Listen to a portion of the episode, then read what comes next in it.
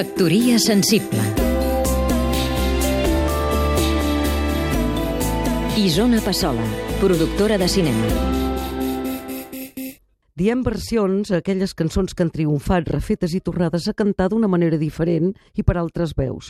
Ara en català estan de moda. El disc de la Marató de TV3 n'està ple i els èxits de les cançons dels 60, versionades al català, seleccionades per Òscar Dalmau, ens arriben els diumenges encartats en un diari de tirada.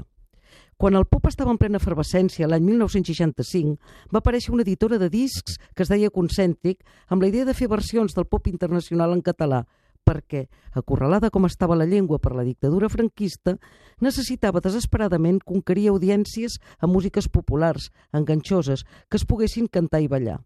Avui buscant a casa els discos d'aquell moment que va editar Mon Pare per l'exposició Pop-Cèntric que farà Lluís Gendrau d'Enderroc a l'Art Santa Mònica al febrer fins l'abril, he repassat tots aquells conjunts, els dracs, els drums, els xocs i les cançons, La casa del sol naixent de Price, No contestar ningú de Lennon ni McCarthy, Tot negre de Jagger i Richard. Amb lletres adaptades per Espinàs, Ramon Folk i Camarassa, Josep Maria Andreu, llavors escriptors reconeguts, i amb les portades totes elles d'un pop art autòcton d'altíssim nivell, dissenyades per un jove Pau Riba, unes, altres extretes del llenguatge del còmic, dibuixades per Enric Sió, i fotografiades pels grans Maspons Ubinya, Catany.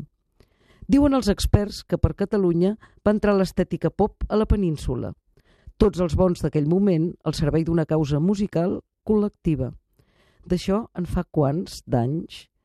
Ara que en fa 50, descobrim que l'excel·lència sempre és d'actualitat. Recordem-ho en homenatge i aprenem-ne perquè ens torna a caldre. Factoria sensible Seguim-nos també a catradio.cat